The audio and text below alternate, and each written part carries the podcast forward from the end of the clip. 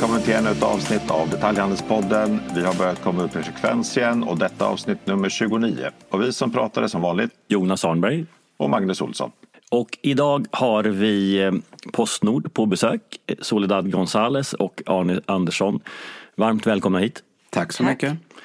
Ni eh, har släppt en e-barometer för kvartal 4 och framförallt helåret 2021 som innehåller så otroligt mycket att man inte vet vart man ska börja.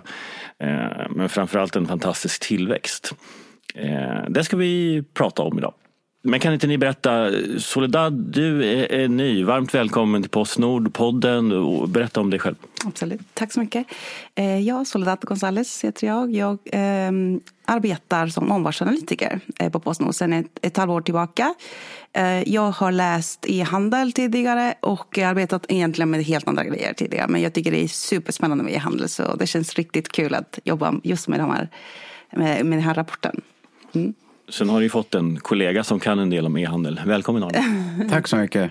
Jag har jobbat som e-handelsrådgivare och talesperson för Postnord de senaste 15-16 åren. Varmt välkomna. Innan vi börjar så har vi ett glädjande meddelande. Eh, Som ni hör är ljudet på avsnittet väldigt bra. Och det är tack vare e-boxen som sponsrar och jag har gjort att vi har möjligheten att vara i en studio. Och e-boxen är i full fart att bygga ett rikstäckande nät med leveransboxar som är öppet för alla transportörer med ambitionen att utgöra en infrastruktur för e-handelspaket. Men också som kan användas för annat, till exempel att byta, sälja eller låna prylar. Eh, vill ni veta mer om e-boxen så får ni gärna lyssna på senaste Detaljhandelspoddens avsnitt också där Marcus Trautman som är kommunikationschef på e-boxen gästade.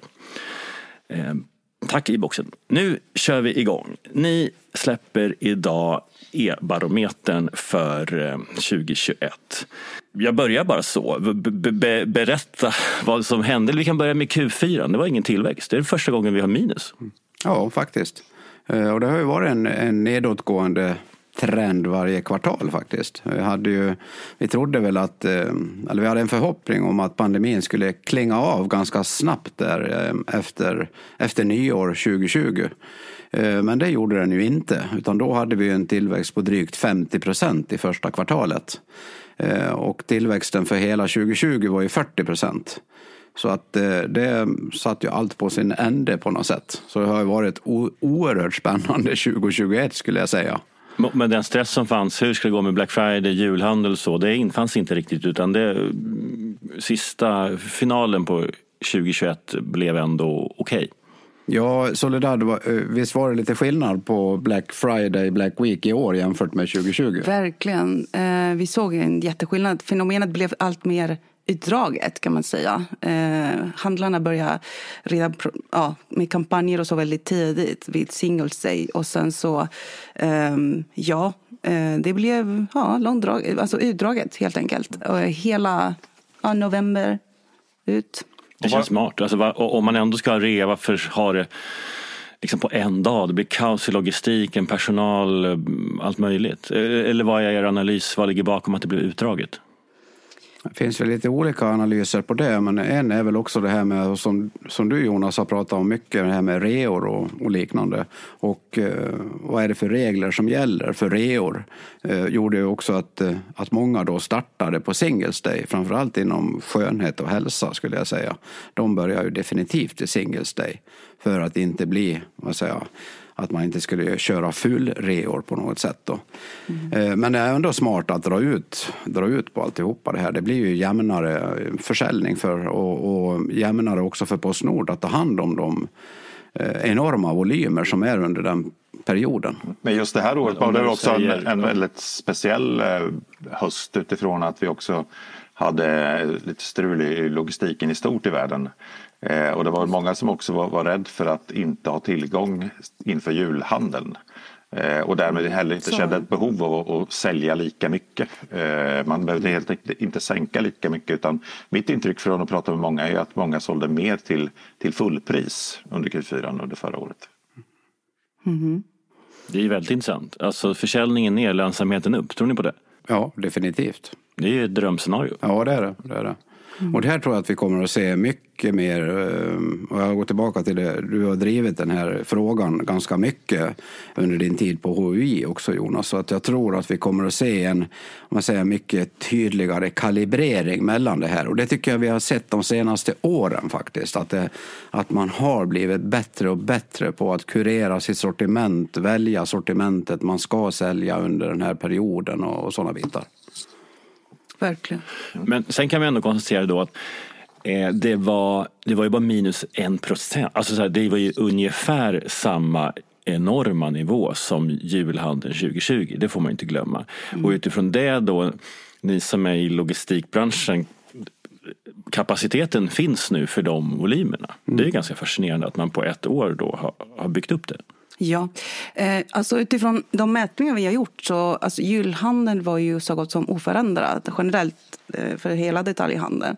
Eh, det vi såg var lite färre svenskar som, bland svenskarna som valde att handla på nätet. Eh, men det här påverkades förstås av just hur situationen såg ut med pandemin på den tiden. Alltså, när det gått ner så folk började eh, gå in i butiker igen. Så att eh, man kan, det är lite svårt att avgöra vad som påverkat vad. Ja, och det, det, det är väl det. Vi går, om vi går över till 2021, för så här, när man analyserar på kvartalsnivå som, som vi gör i e-barometern så mm med den så här ojämna vågor av, av, av liksom corona som har kommit så klart att det blir lite konstigt att jämföra. Men, men hur gick det helåret 2021? Fantastiskt bra. vi skrev i vår analys så skrev att tillväxten var imponerande och storslaget, alltså 20 procent. Ja, det är otroligt. För då ska man veta att år 2020 jämfört med 2019 då, så mm. växte e-handeln med 40 procent. Och sen var det inte alls överraskande just att Q4 gick ner under 2021 i och med att de jämförelsetalen vi hade från året föregående år var otroligt höga. Så det var ju svårt förstås för e-handlarna att generera lika mycket tillväxt eller ytterligare tillväxt eh, under Q4.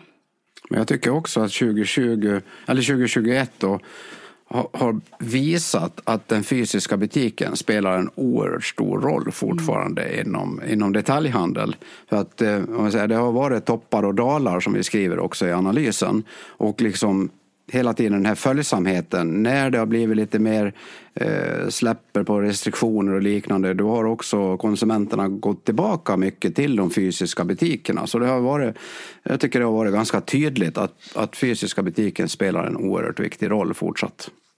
Ja, det är fortfarande så att butikerna, i och med 2021 års siffror kan vi konstatera att e-handeln har en andel om 16 procent det är otroligt högt. Ja. Men det betyder ju ändå då att butikerna har 84 procent. Exakt. Så det är ju liksom ingen liten andel. Jag tror att det här kommer att leda till också att många e-handlare som är vana vid att växa behöver liksom titta på vad, vad är det egentligen vi levererar för värde? Vad, vad gör vi för kunden? För att tydligen är det ju så att, att vi som konsumenter då använder de fysiska butikerna för att shoppa eh, och e-handeln för att handla i mångt och mycket. Eh, mm. och, och den, den rollfördelningen tror jag tycker jag ska bli spännande att se liksom, vad kommer hända nu när, när vi då kommer in i, i inom situationstecken det nya normala då, om vi, om vi nu är där. Eh, hur blir fördelningen och vad kommer kunden att använda de olika kanalerna till?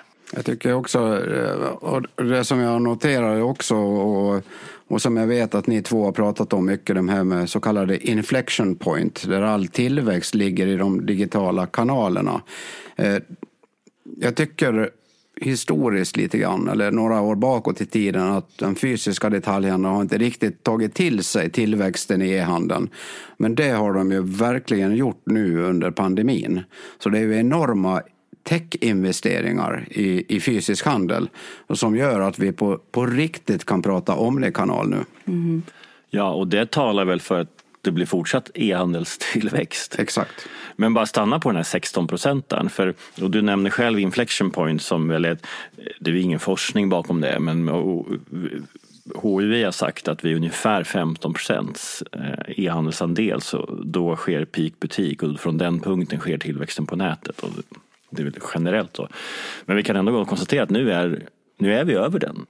Att, vi, att det har skett, skett i vissa branscher, det vet vi ju att eh, böcker, elektronik, kläder har varit där tidigare. Men nu är egentligen hela handeln, i alla fall inte, inte, kanske inte maten, men alla andra är där. Och det har gått fort. Mm. Backar vi några år, backar vi tre år så var ju andelen 8 procent. Mm. Så e-handeln har fördubblats sedan 2018. Ja.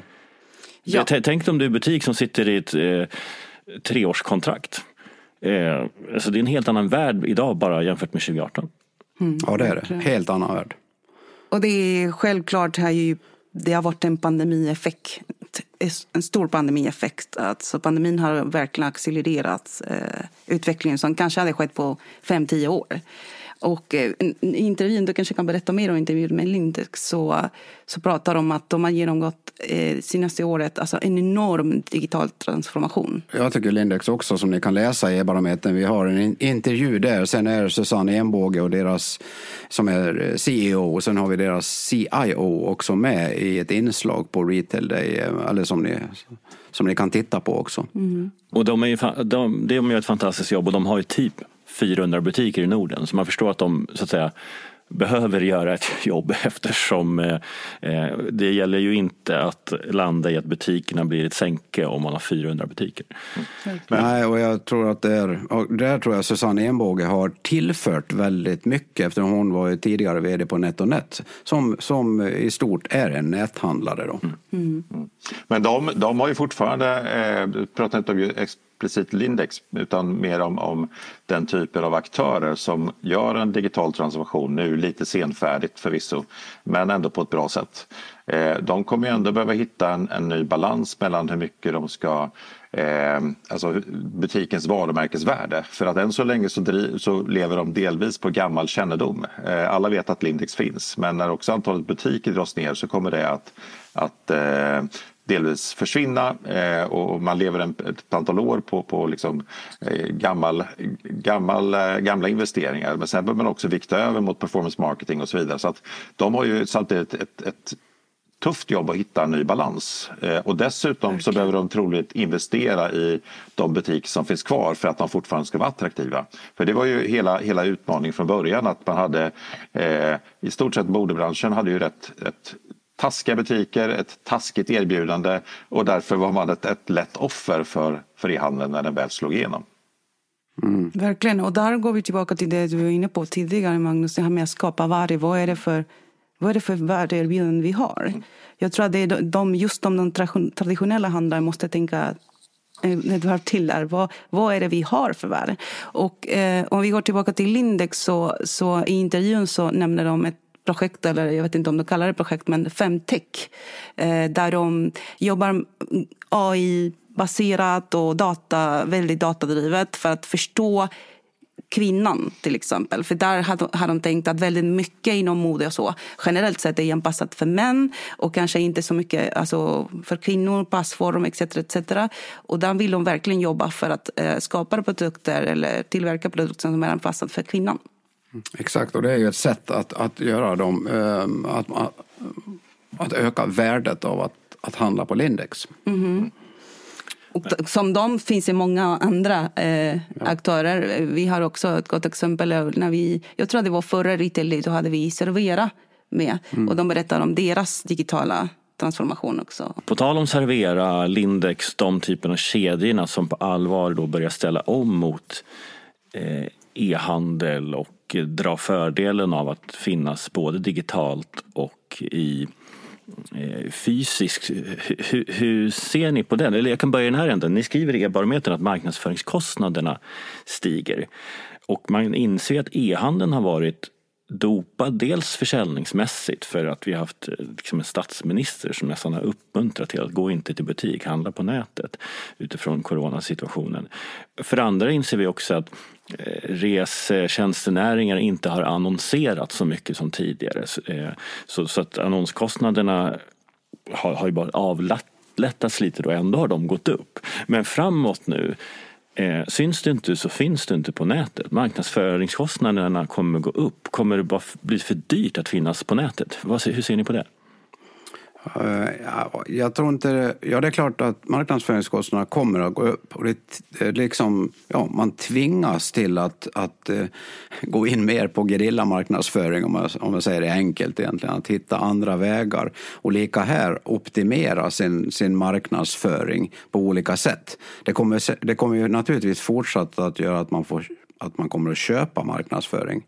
Men det, är också, det kommer också att bli viktigt att eh, med den egna organiska marknadsföringen och mm. stora satsningar där tror jag. Vad är det? Är det e liksom e-post? Ja, ja e-post kommer ju fortsatt att vara viktig, och den, men den måste ju vara relevant. Och fortsatt så ser vi också i barometern att e-post är den viktigaste kanalen. Men då tror jag att man gör det ganska enkelt för sig som handlare. Att bara gå på de traditionella kanalerna som man har gjort. Där tvingas det till, till omtag tror jag. Mm. Verkligen. Det vi, vi pratade om det lite grann igår. Och, och det jag tänker är ju Handlarna måste ju tänka att de behöver lite sprida de här riskerna satsa, man kan inte lägga alla ägg i samma korg. Så ja, det, det sker så mycket just när det kommer exempelvis till sociala medier, Facebook, Instagram. Eh, det börjar skaka lite för dem. så att jag tänker företagen måste kunna ha en strategi där det inte endast är sociala medier, inte endast är e-post, utan tänka okej, okay, var finns våra kunder var, och satsa på de kanalerna och variera lite. Ha en, en, en vad ska man säga, ett smörgåsbord för att välja på emellan. Så jag tänker e-post definitivt eh, fortsatt aktuellt. För, för att sker förändringar kraftiga förändringar i exempelvis Facebook och så, hur man kan använda data, då kommer det påverka självklart hur man kommer ut. Man så. måste kunna kommunicera med kunderna. Så jobba med egen sajt mycket eh, och jobba med eh, e-postmarknadsföring till exempel. Mm. Sen, sen, är det också superspännande att se till exempel en, en jätteaktör som Apotea säger att vi behöver bygga varumärke. Eh, och det är också en mm. trend mm. som vi ser från USA där man just har använt de här klassiska verktygen in till liksom, eh, det möjligas gräns. Jag var själv marknadschef 2008 när Stadium började pumpa med sms. Vi tyckte det var underbart. Eh, kunden mm. stod på, på kö liksom, eh, en timme efteråt. Det var ju helt fantastiskt, nästan omöjligt att sluta. Men, och, och det ledde ju till att vi... Men jag också att ni mätte framgången med att det blev kö. Exakt. Eh, och, och det ledde ju sen till att vi eh, över tid kände att ja, men nu är det lite dåligt igen, nu skickar vi ett sms och fick framgång. Och sen så var vi tvungna att eh, skruva upp tonen lite grann för när det inte är 20% bet då bet det 30% Och sen skick, gick vi från en dag, gång i veckan till tre gånger i veckan. Tittar man på e-handlarna nu så finns det de som skickar till mig sms varje dag. Eh, och mejl mm. eh, och så vidare och så vidare och sociala medier. Men det, det, fiskar ju fortfarande i samma vatten som det gör för att jag har ju ett begränsat, liksom, ett begränsat intresse för en viss, viss kategori. Så att det, det är alla företag som vill växa kommer till förr eller senare att du behöver hitta bredare medier. Eh, du behöver prata på ett helt eh, annat sätt. Du behöver bygga värde, du behöver differentiera sig. Och jag tror också att de som har haft det lätt nu att växa under e-handelns barndom, om vi uttrycker så, för att vi fortfarande, nu kommer e-handeln in i, i, tonåren i många fall, eh, är att man också behöver hitta, titta på sin marknadsföring på ett helt annat sätt eh, och vad man egentligen hur man differentierar sig på marknaden. Alla använder samma kanaler, alla är superduktiga på datahantering, alla har ett fantastiskt logistik eh, då kommer det ändå till att, att bygga betalningsvilja. Och det, det är ett annat spel. Mm. Och Magnus, jag har för mig att du och jag har diskuterat på LinkedIn eller liknande om customer acquisition-kostnaden. Ja. Eh, och, eh, och när du Jonas pratar att marknadsföringskostnaderna har ökat, ja det är ju en grej. Men kundanskaffningskostnaden har ju ökat dramatiskt egentligen. Mm. Så där krävs det, och där tycker jag det är intressant att läsa ja, läsa hela boken som eh, Maggie och, eh, och Malin har skrivit och den intervjun vi gör i E-barometern om just begreppet lojalitet mm. och hur man kan jobba med det här. Och jag tycker också en intressant grej är, vi pratar olika sociala mediekanaler, sms, e-post och så vidare, också hur Lyko jobbar med det här. Att också bygga upp en egen community. Mm. Och det bygger lojalitet. Mm. De jobbar naturligtvis parallellt, men den är ju super, super viktig för dem just att, att få retention liksom ja. hela tiden. När vi, förlåt, när vi pratar lojalitet så är det viktigt att definiera det också. För att om du handlar eh, hos en, en aktör en gång per år eh, men bara från den aktören då är du 100% lojal. Om du handlar från tio aktörer eh, men från varje aktör tio gånger per år då är du fortfarande illojal. Så att, eh, det är skillnad på transaktion, eh, transaktionsfrekvens och lojalitet. Ja. Exakt. Precis, och Maggie och Malin pratade precis om det också i boken. Alltså vi läste boken för att eh, genomföra intervjun.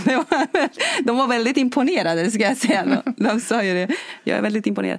Eh, ja, då, då pratar de om eh, två olika delar. Alltså bete, någon typ av eh, lojalitet kopplat till beteende, det vill säga själva handlingen, alltså, alltså man köper en vara. Men också eh, en, en del som är mer kopplat till en känsla. Alltså älskar jag, tycker jag om det här varumärket? Vad är det för känsla det skapar hos mig? Eh, så vissa kunder eller vissa konsumenter förlåt, eh, handlar i en butik men de känner in, ingen någon typ av anknytning till varumärken, varken butik eller varumärke. Det vill säga, de går inte runt och berättar för att jag köpte det här och eh, på något sätt promota varumärket, ni förstår vad jag menar. Eh, utan eh, vi, vi, var lite inne på att prata om Shein, det är många som handlar där men gärna inte pratar om det eller berättar inte. Eh, så. Eh, så att det finns lite, precis som du säger Magnus, hur definierar vi det? Vad är det vi mäter? Är det hur ofta en person kommer tillbaka eller hur definierar vi lojalitet? Exakt. Ja, priset känns som en viktig del där i att det, blir det väldigt billigt så handlar vi gärna där men kanske inte pratar om det så mycket. Mm. Ja, exakt. Det är viktigt att komma ihåg bara där att även om vi handlar för att det är billigt eh, så, och handlar ofta för att det är billigt så är vi inte nödvändigtvis lojala om vi samtidigt handlar för att mm. greta upp leti. Så att det, mm, det, är ju, det, är, det är ju en, en, sak att muta folk till att vara frekventa kontra att inspirera folk till att bli lojala. Exakt. Det de eh, på något sätt lyfter som jag tycker är viktigt, att de menar på att eh, lojalitet är kundbaserad, det vill säga det är kunden som är fokuset och det kommer inifrån. Inte utifrån, utan inifrån. Det man inifrån människan, det här drivet. Ah, men jag vill, jag väljer det här. Eh, så. Och det är svårt att påverka. Det behöver jag jobba väldigt, väldigt långsiktigt med. Men för att knyta ihop till butiksdiskussionen som vi började med. Du tog upp eh, Lyko Arne och i den här diskussionen kring varumärkesbyggande, marknadsföringskostnader och så vidare. Eh, Lyko köpte ju Makeup Store och alla de kunder ni har där ute i e-handeln, hur många pratar om att skaffa sig en fysisk närvaro i form av en eller flera butiker? Jag tycker nog att den, eh, den lever, den frågeställningen. Och att folk gör det. Eh, så att jag tror att det är, det är som det är. Alltså, precis som vi säger lite grann i, på retail day också, att man går Eh, fysiska går online och, och, och, eh, digitala går offline. Eh, det spelar fortfarande en viktig roll tror jag. Så det kommer vi nog att se, fortsätta att se. Men med olika syften. Hörrni, ni, ett otroligt 2021 med 20 tillväxt. Q4 vittnar om att vi ändå närmar oss lite svagare tillväxt framöver. Vart, vart är vi Eh, 2022? Närmar vi oss en platå? Eh, är det slut på e-handelstillväxt eller kommer det vara 20 igen? Vad tror ni? Får jag gå tillbaka lite grann till den diskussion vi hade nyss här. Jag tycker det är rätt intressant att om vi skulle suttit här 2018 som du säger, eller 2017, 2016, då vi ändå blev imponerade av e-handelstillväxten, då hade vi nog bara pratat om de staplar och diagram som fanns i e-barometern. Jag tycker vi ser också nu, alltså det blir, handeln är väldigt komplex beteenden från konsumenterna är också väldigt komplexa att förstå. Och vi ser, jag tycker vi ser att vi får en hela tiden en mer och mer fördjupad diskussion. Vad är det som händer? Och det är, väldigt svåranalyserat. Det är bara en reflektion från min sida liksom hur, hur den här eh, säga, progressen har, har gått.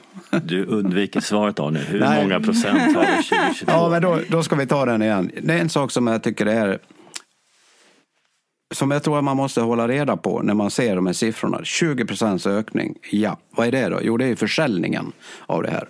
Sen går man ner på kategorierna. Då ser vi då hemelektronik har fortfarande en otroligt stark tillväxt.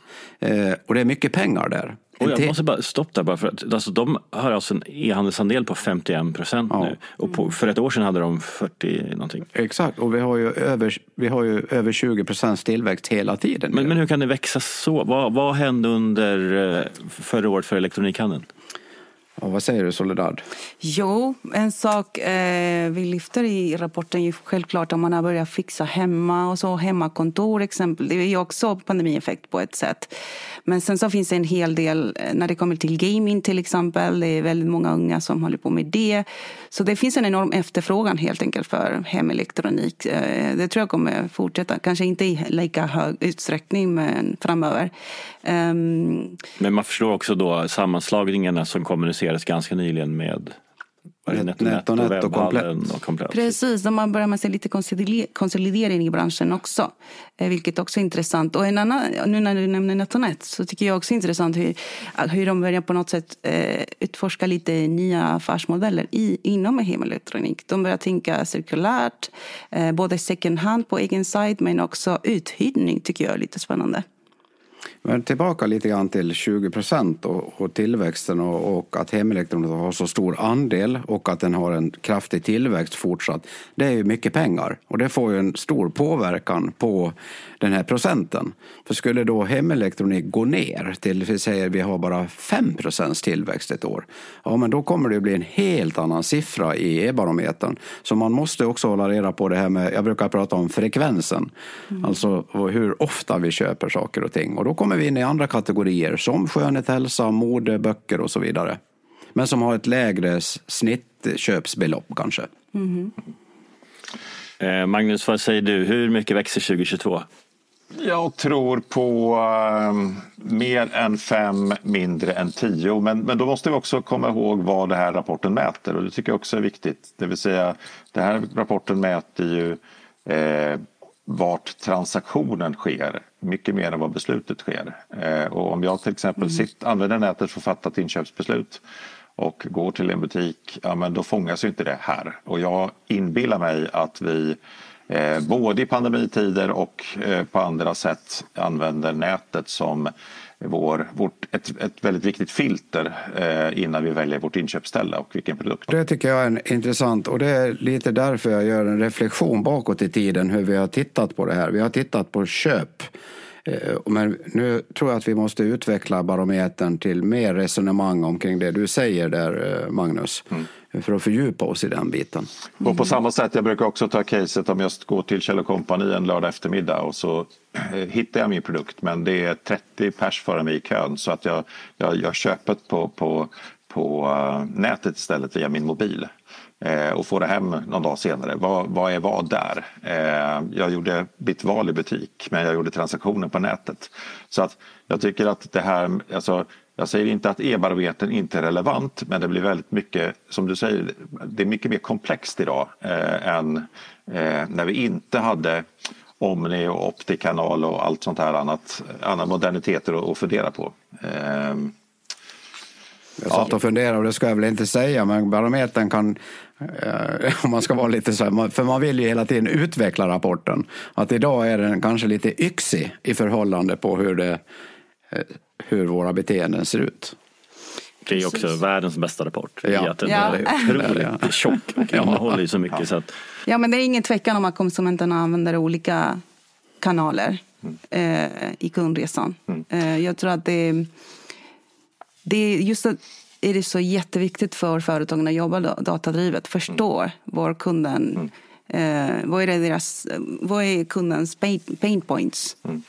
Och jag tänker, Förenkla. Och jag tänker också hur, hur marknadsplatserna med sitt fantastiska utbud eh, liksom blir, blir sökmotorer för produktsök i allt större utsträckning. Mm. Och, och, Amazon eh, är ju ett klassiskt exempel från USA men titta på mode med Zalando och många som är inne där under sin köpresa eh, och sen kanske handla i någon helt annan kanal. Det är också viktiga liksom, mekanismer i vad, både hur man väljer och var, var man till slut lägger sin, sitt, sitt sina pengar.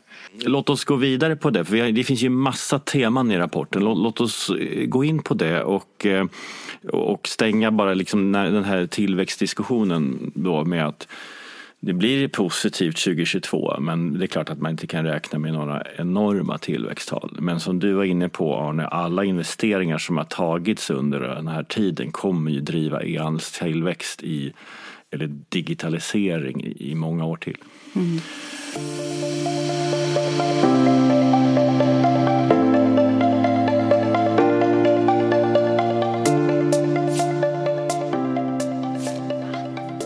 E-barometern så presenterar ni en 20-topplista som är väldigt intressant. Det, är de, det bygger på en konsumentundersökning där man har ställt frågan eh, vilken är din favoritsida? Typ. Eh, vilka är i toppen? Jo, men Apotea har toppat listan i flera år nu. Eh, så de tre eh, första är ju oförändrade kan man säga från eh, tidigare år. Apotea nummer ett, nummer två är Zalando och nummer tre är H&M. Och Apotea är ganska ohotade där i att varför är de där? De, är, de håller vad de lovar och det, det är mm. snabbt, fraktfritt och låga priser, stort utbud, något sånt där va? Och, och det... De gör det enkelt helt enkelt. För man behöver inte tänka så mycket. Det behöver inte tänka bra, bra leveranser. De är jätteduktiga på logistik, det är de. Per Svartsson är ju logistiker i eh, grund och botten.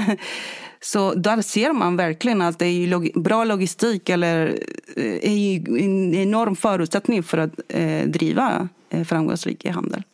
Och sen, du har andra mönster. Hur många plattformar är på den här listan? Ja, eh, då ser vi att eh, bland de tio första så är CDON på plats sex, Amazon på plats sju och Tradera på plats åtta. Det är spännande att de är så nära varandra. Och ja, och Zalando Amazon kan man väl också säga är en plattform?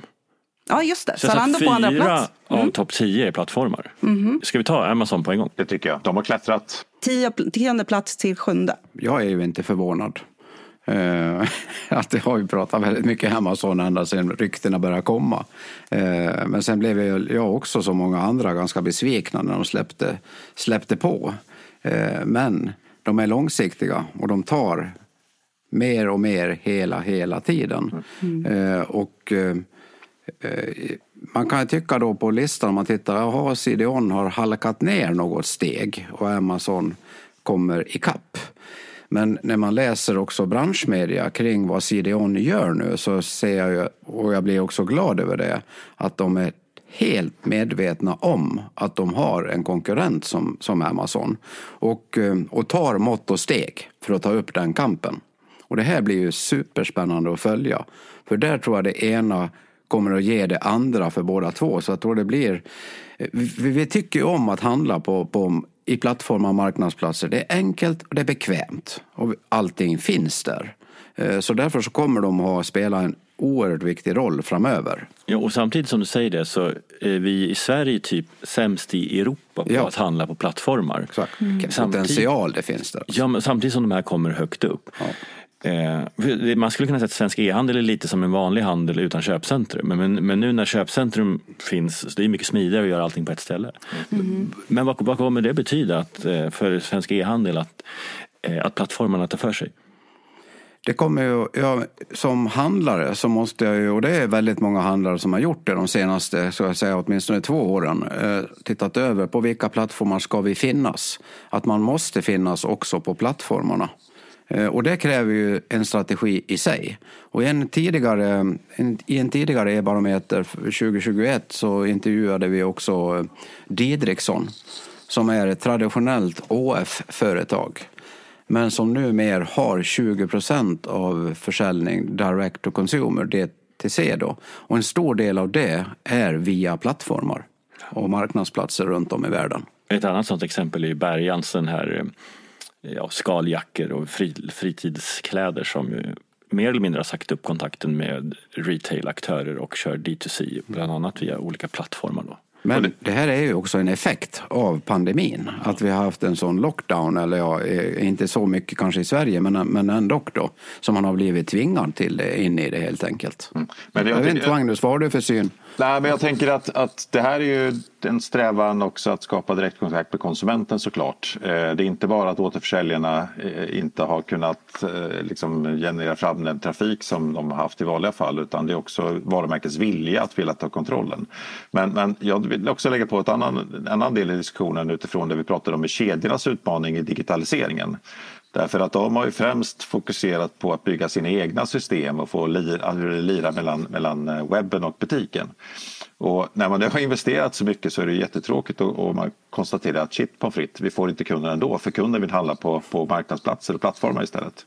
Eh, och den tvisten blir ju lite spännande att se under kommande år här. Eh, vi, vi, vi, har digitaliserat som tusan. Men kunden kommer inte ändå för att kunden är på köpcentrumet istället. Vad tänker ni om det? Mm. Ja, det, ja, det är riktigt vad säga, pang på rödbetan, eller vad ska jag säga, huvudet på spiken heter det, ja. när det gäller den biten.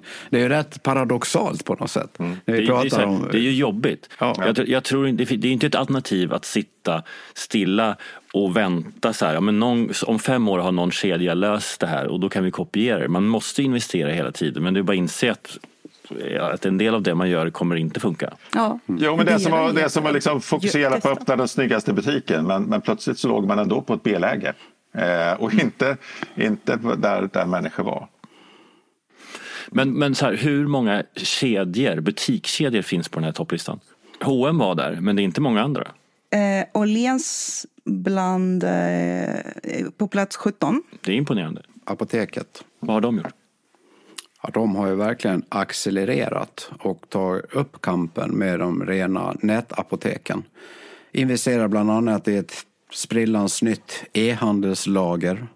Eh, och precis som tycker jag CDON har agerat eh, i form av, av att eh, man säger, möta konkurrensen från exempelvis Amazon då eh, och se till att förändra i sin organisation och strategi och sådana bitar så har Apoteket också gjort en fantastisk resa under 2021 tycker jag.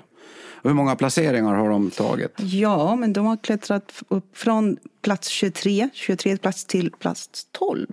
Så väldigt många placeringar har de klättrat upp. Och, och det är väl ett bevis på att de någonstans har de gjort någonting rätt och attraherat eh, konsumenterna. Och här har vi också den här, jag eh, vet Soledad, du brukar kalla det hybridhandel.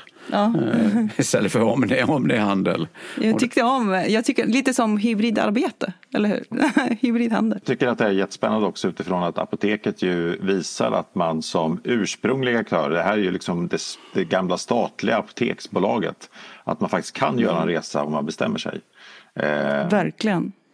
Men, men men det är fortfarande så att apotekshandeln är den enda bransch som jag fram till förra året fortsatt, fortfarande har byggt butiker. Mm.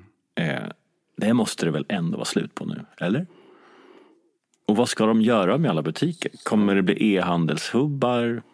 Jag, jag tycker ändå e, e-apoteken har ju visat hur hur liksom till, alltså en, en, gång i tiden när, när, när apoteket liksom omreglerades, och, eller när marknaden omreglerades, så var ju tillgänglighet drivkraften mm. till det beslutet. Eh, eh, och då skulle man bygga väldigt många butiker.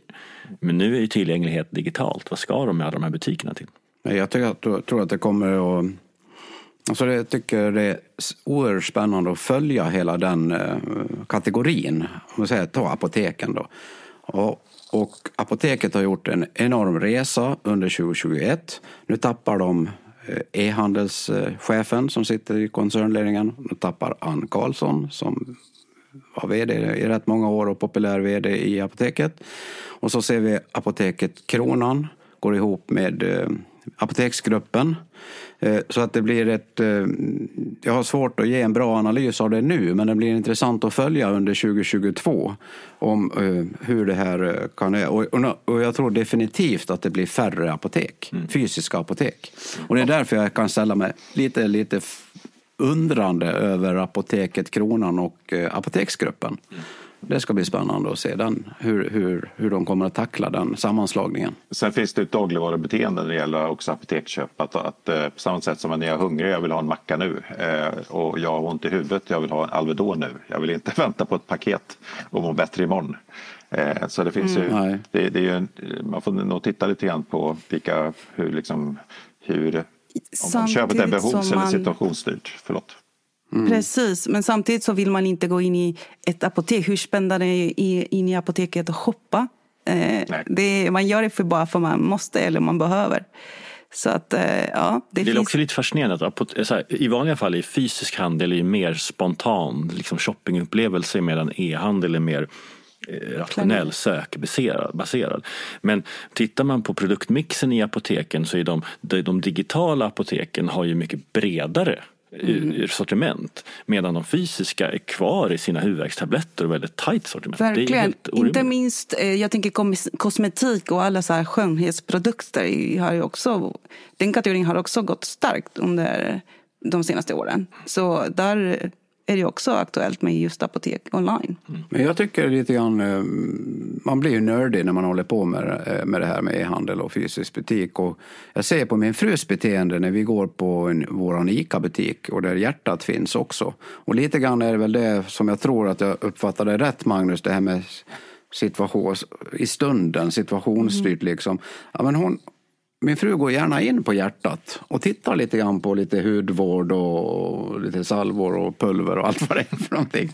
Det, är liksom, ja, det, det, det, driver på i alla fall. Så hjärtat är också intressant att, att följa tycker jag. Mm. Eh, innan vi lämnar topplistan, Amazon tycker jag vi förtjänar en eh, eh, någon minut. Det finns ju en hel del branscher som tack vare att de haft en väldigt kraftig tillväxt, inte då minst inom hemelektronik, inte märker av Amazon på samma sätt. Vad, vad, vad kommer att hända under 2022 här?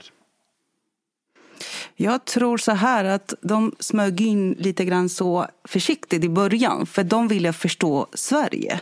De ville förstå Sverige som marknad till skillnad på, från ja, Tyskland och andra europeiska marknader där de finns. Men att deras strategi är väldigt långsiktig.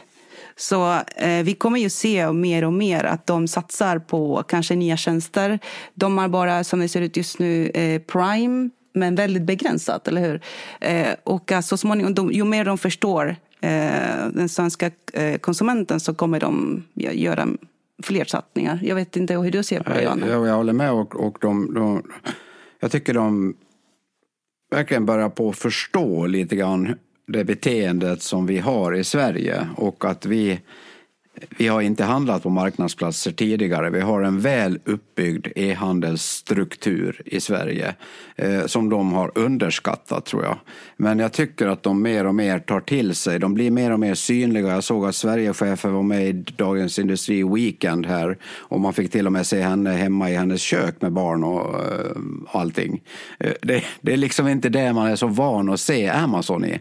Så att jag tror nog att de, de kommer att ta hela tiden och det ska bli spännande att följa Amazon Advertising eh, när de börjar sälja sponsrade annonser på riktigt i Sverige och se hur stor den affären också kan, eh, kommer att bli. Och, så, jag tycker ni har två fina resultat i e-barometern. Det ena är att eh, vi i Sverige har flest e-handelskonsumenter i hela Europa, alltså som har handlat på nätet. 98, hur högt, hur var siffran? 97 procent typ. Mm. Ja. Det var väldigt högt. Och sen i den andra änden då så är vi de som handlar i stort sett minst på plattformar. Men, men det finns ju ingen anledning att tro att vi inte ska gilla plattformar när vi har hajat vilken nytta de skapar. Eh, och det lär ju Amazon bidra till. Men jag tror också det kommer att vara en jättemöjlighet för svenska handlare att, eh, att satsa på olika plattformar, inte bara i Sverige utan i, globalt. För att de handlarna har sån jäkla kunskap i, i det här. I de andra länderna där vi ser att, att marknadsplatser dominerar, där har de inte, inte behövt bry sig om det här, utan de har bara kontaktat dem. Kom till oss, vi vet hur man ska göra och så har man eh, själv inte behövt bygga den kunskapen. Eh, det tror jag är en stor skillnad eh, jämfört med andra länder. För varumärken vi var inne på, att ja att använda Amazon som plattform istället för kanske någon stor jobbig som man tycker retailer som man brukar leverera till. Mm.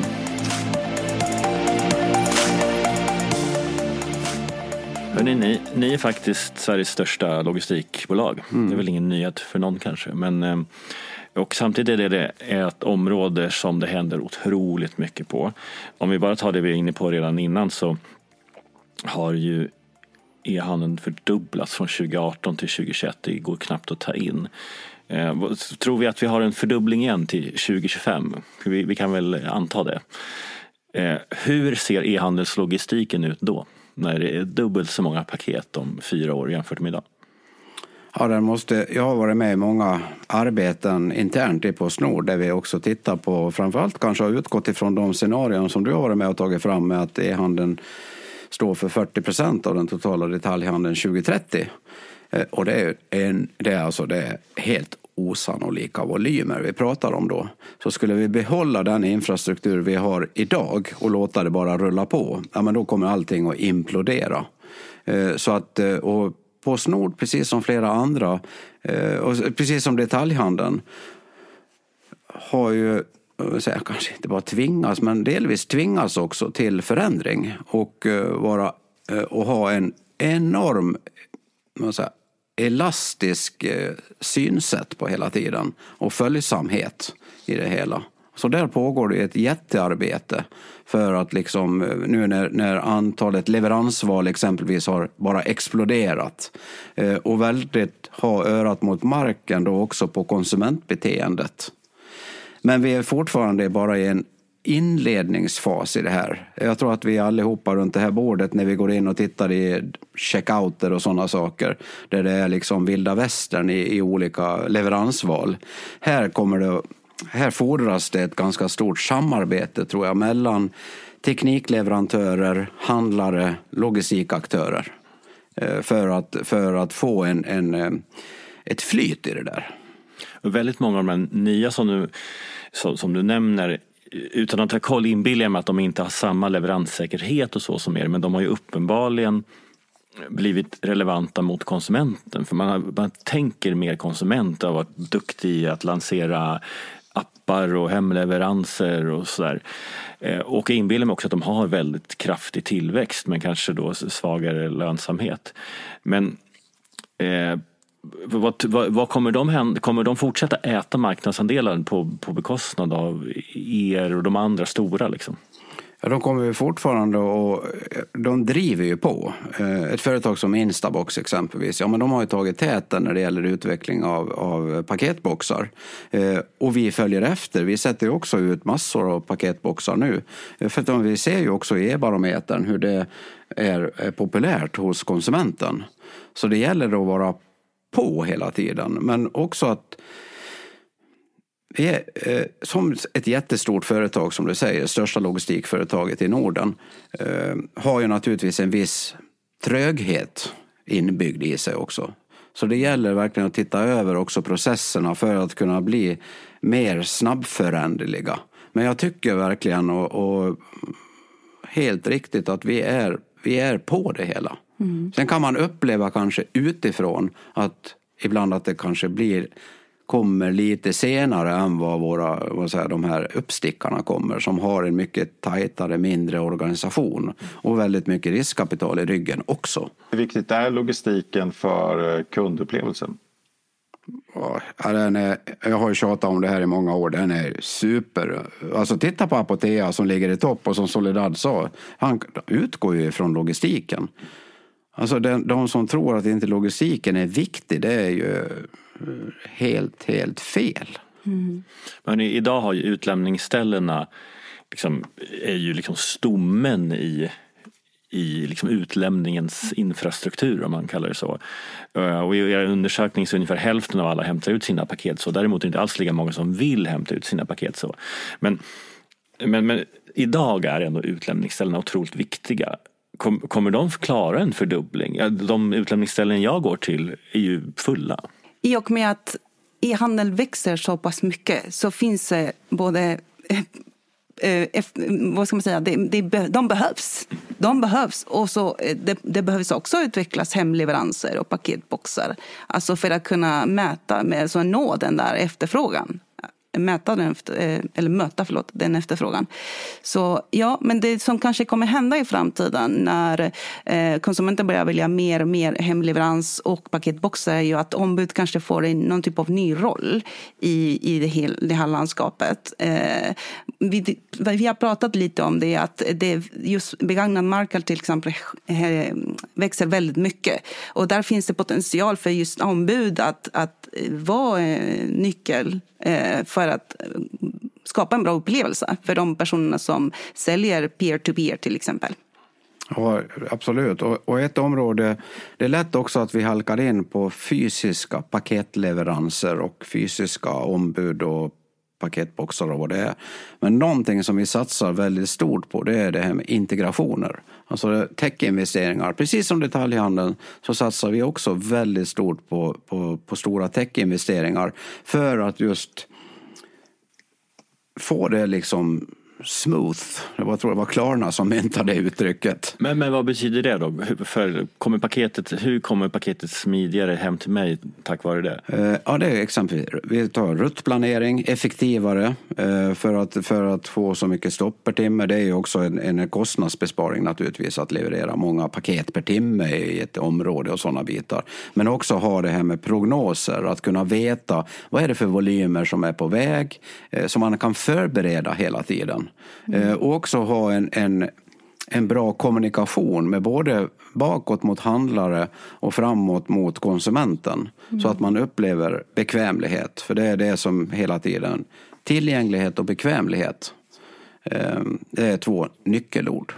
Ja, det krävs en hel del teknikutveckling och affärsutveckling från vår sida för att kunna leverera de, de, de lösningar. Alltså API som ska ses om, eh, checkouten, hur kan vi vara synliga i de områden till exempel där vi är hållbara? Hur kan det vara synligt i checkout? Det krävs en enorm... Alltså, eh, just med att det hela eh, ekosystemet blir så komplext med e-handlarna, affärssystem, alla olika system. Det kräver från oss som, som, som logistikaktörer då, att vi är med i den, vi är med där och eh, också förnya våra system. Det låter väldigt lovande. Det finns mycket kvar att göra kring optimering helt enkelt. Som ja, gör att vi kommer kunna höja kapaciteten utan att liksom utlämningsstället behöver öka kvadratmeter. Och också sådana begrepp som eh, microfulfillment, eh, logistikkluster som Eskilstuna, Borås, Göteborg, Ängelholm, Helsingborg och de bitarna. Med sena upphämtningar på de lagren, senare orderläggning eh, tidig utkörning kanske och sådana saker. Och också att kunderna ställer större och större krav på flexibilitet. Så plötsligt då man har beställt den att den ska komma hem Ja, men sen upptäcker man att, eh, ja, som du Soledad eh, ska plötsligt åka och köpa bullar. Ja, men då vill jag hämta det här på ett ombud istället. Eh, och det krävs ju lite teknik och integration för att fixa det. Ni som logistikaktör observerar ju också hela marknaden mellan konsumenter, alltså C2C. Eh, det växer så det knakar. Berätta. Ja, superspännande. Vi har bestämt oss att satsa på, ganska mycket på att undersöka eh, hur det ser, ser ut i Sverige. Och att eh, vi ser definitivt att den växer väldigt, väldigt mycket. Eh, i olika plattformar, de mer traditionella plattformar men också Facebook som har nu, eller sen några år tillbaka, en marknadsplats där man kan handla saker online. Och för oss är det viktigt att fånga det här. För hur eh, kan vi skapa en smidig upplevelse så att eh, konsumenter kan sälja sina och skicka sina varor dem emellan? Digitaliseringen har ju löst begagnat handeln Eh, utifrån så som man minns det i Gula Tidningen som kom ut en gång i tiden när jag var liten så kan man handla hela tiden nu. Men det är klart, kan man också lösa logistiken på ett spännande sätt mellan konsumenter så tror jag det kan växa ännu mer. Mm. Eh, det vi ser är ju att nästan hälften av konsumenter säger att de har handlat begagnat på nätet eh, under det senaste året. Och den undersökning vi gör, den månadssträckning vi gör ser vi att eh, vi har frågat har du handlat, hur många som har handlat begagnat den senaste månaden och då svarar 83, 83 procent att de har handlat begagnat. Oj. Mm. Det är väldigt mycket. Och sen är det framförallt eh, bland kategorin eh, mode förstås, men också en hel del andra. Hemelektronik är också stort, också second hand. Eh, så det är spännande. Och det här tycker jag också är superspännande apropå det vi pratade om med utmaningar för, för digitalisering för kedjorna. Tittar man på USA och specifikt modehandeln så är det en fantastisk ökningstakt på begagnat och då delar man upp det i olika segment där man pratar om resale som en liten finare del, eh, det vill säga eh, varumärken och, bättre begagnat om man uttrycker det så. Det är ju inte minst ThreadUp mm. har gjort en jättespännande årlig rapport i flera år nu där man pratar om hur ökningstakten på eh, resale-sidan och second hand är många, många gånger fler än den i fast fashion. Så att förr eller senare så kommer de här att, att mötas i någon mån. Eh, eller få, åtminstone få en balans sig emellan. Apropå omställningsbehovet från de traditionella aktörerna. Så att vi, vi är långt ifrån färdiga. Vi kan ha, det här, vi kan ha det här, eh, den här diskussionen som årligt återkommande eh, fram till 2030 utan att ha, få tomt på samtalsämnen tror jag. Verkligen. Och det finns också eh, vissa nisch, så, nischer som växer inom begagnad handel. Man kan ju också prata om premium begagnat. Alltså det är lyx, alltså lyxprodukter då, som säljs second hand på alla möjliga plattformar. Eh, det tycker jag är väldigt spännande. Om vi tittar, tittar vi på siffrorna så är 36, 35 procent som svarar att de köper möbler och heminredning eh, second hand. Eh, på andra plats kommer kläder och alltså mode. Eh, 27 procent svarar att de köpt begagnat second hand eh, senaste, eh, det senaste året i den här frågan. Eh, och sen är ju mycket också barnartiklar förstås. Eh, barnen växer ju kläder och skor väldigt snabbt så det är inte så konstigt att eh, man köper second hand. Men min, min dröm är att vi kan ha det som en ytterligare kategori nästan. Slå ihop alla, om det nu är, alltså det är barn, det är möbler alltihopa. Men att se tillväxten i hela det här området. Men det, tyvärr så tror jag att det kommer att bli jäkligt svårt att mäta det hela. Mm. Men, men min dröm är att vi kan få in en sån siffra i e-barometern. Samtidigt att, att följa upp leveransupplevelsen. Ja. Hur är det man hämtar sina varor när man köper second hand? Så det är spännande. Soledad och Arne, det har varit väldigt trevligt att ha er här. Vi skulle ju kunna prata i en timme till lätt. Eh, om vi börjar avrunda, Soledad du är ganska ny. Det är väldigt roligt att ha dig här och vi kommer få, du kommer jobba med varumheten fortsättningsvis. Men vad, vad kommer du göra närmsta året? Jag kommer fortsätta bevaka e-handel. Jag tycker det är så spännande. Eh, vi lever i väldigt spännande tider just när det kommer till digitalisering. Så det tänker jag fortsätta med. Eh, och sen i min roll så har jag också en ganska, en stor del av min roll är inte bara omvärldsbevaka men också eh, utbilda. Så jag, har, jag håller väldigt många så interna utbildningar och det tycker jag är superroligt. Och föreläsningar. Mm. Och Arne, du lämnar posten, post, posten för Arne och du ska till Svensk Handel, eller Svensk Digitalhandel. Mm. Ja, först vill jag bara kommentera att eh, jag känner mig väldigt trygg att lämna Postnord nu när vi har fått in en sån stjärna som Solidad också som fortsätter kommer att jobba med, med barometern. Eh, och jag, ja, jag klipper navelsträngen och går till Svensk Digital Handel, ett helägt dotterbolag till Svensk Handel.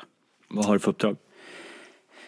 Ja, främst ska jag utveckla logistikgruppen som finns i, i, i den och att utveckla den eh, och också utveckla samarbetet mellan logistikgruppens medlemmar som är handlare med också partners, logistikaktörer exempelvis, för att verkligen bli en opinionbildare eh, för olika saker.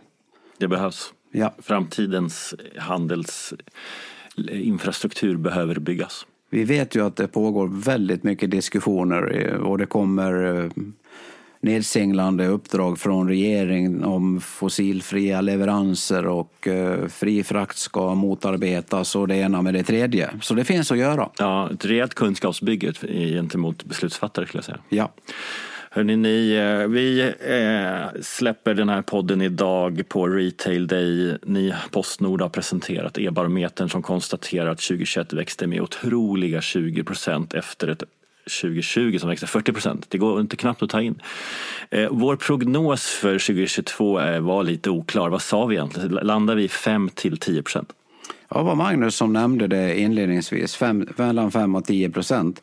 Och eh, jag sällar mig till den eh, uppfattningen om, eh, för att vara li, lite mittemellan där. 5, till 10 procent, ja, jag tror att det är det vi kommer att landa på. För det är ju så höga jämförelsetal fortfarande vi har att, att jämföra med.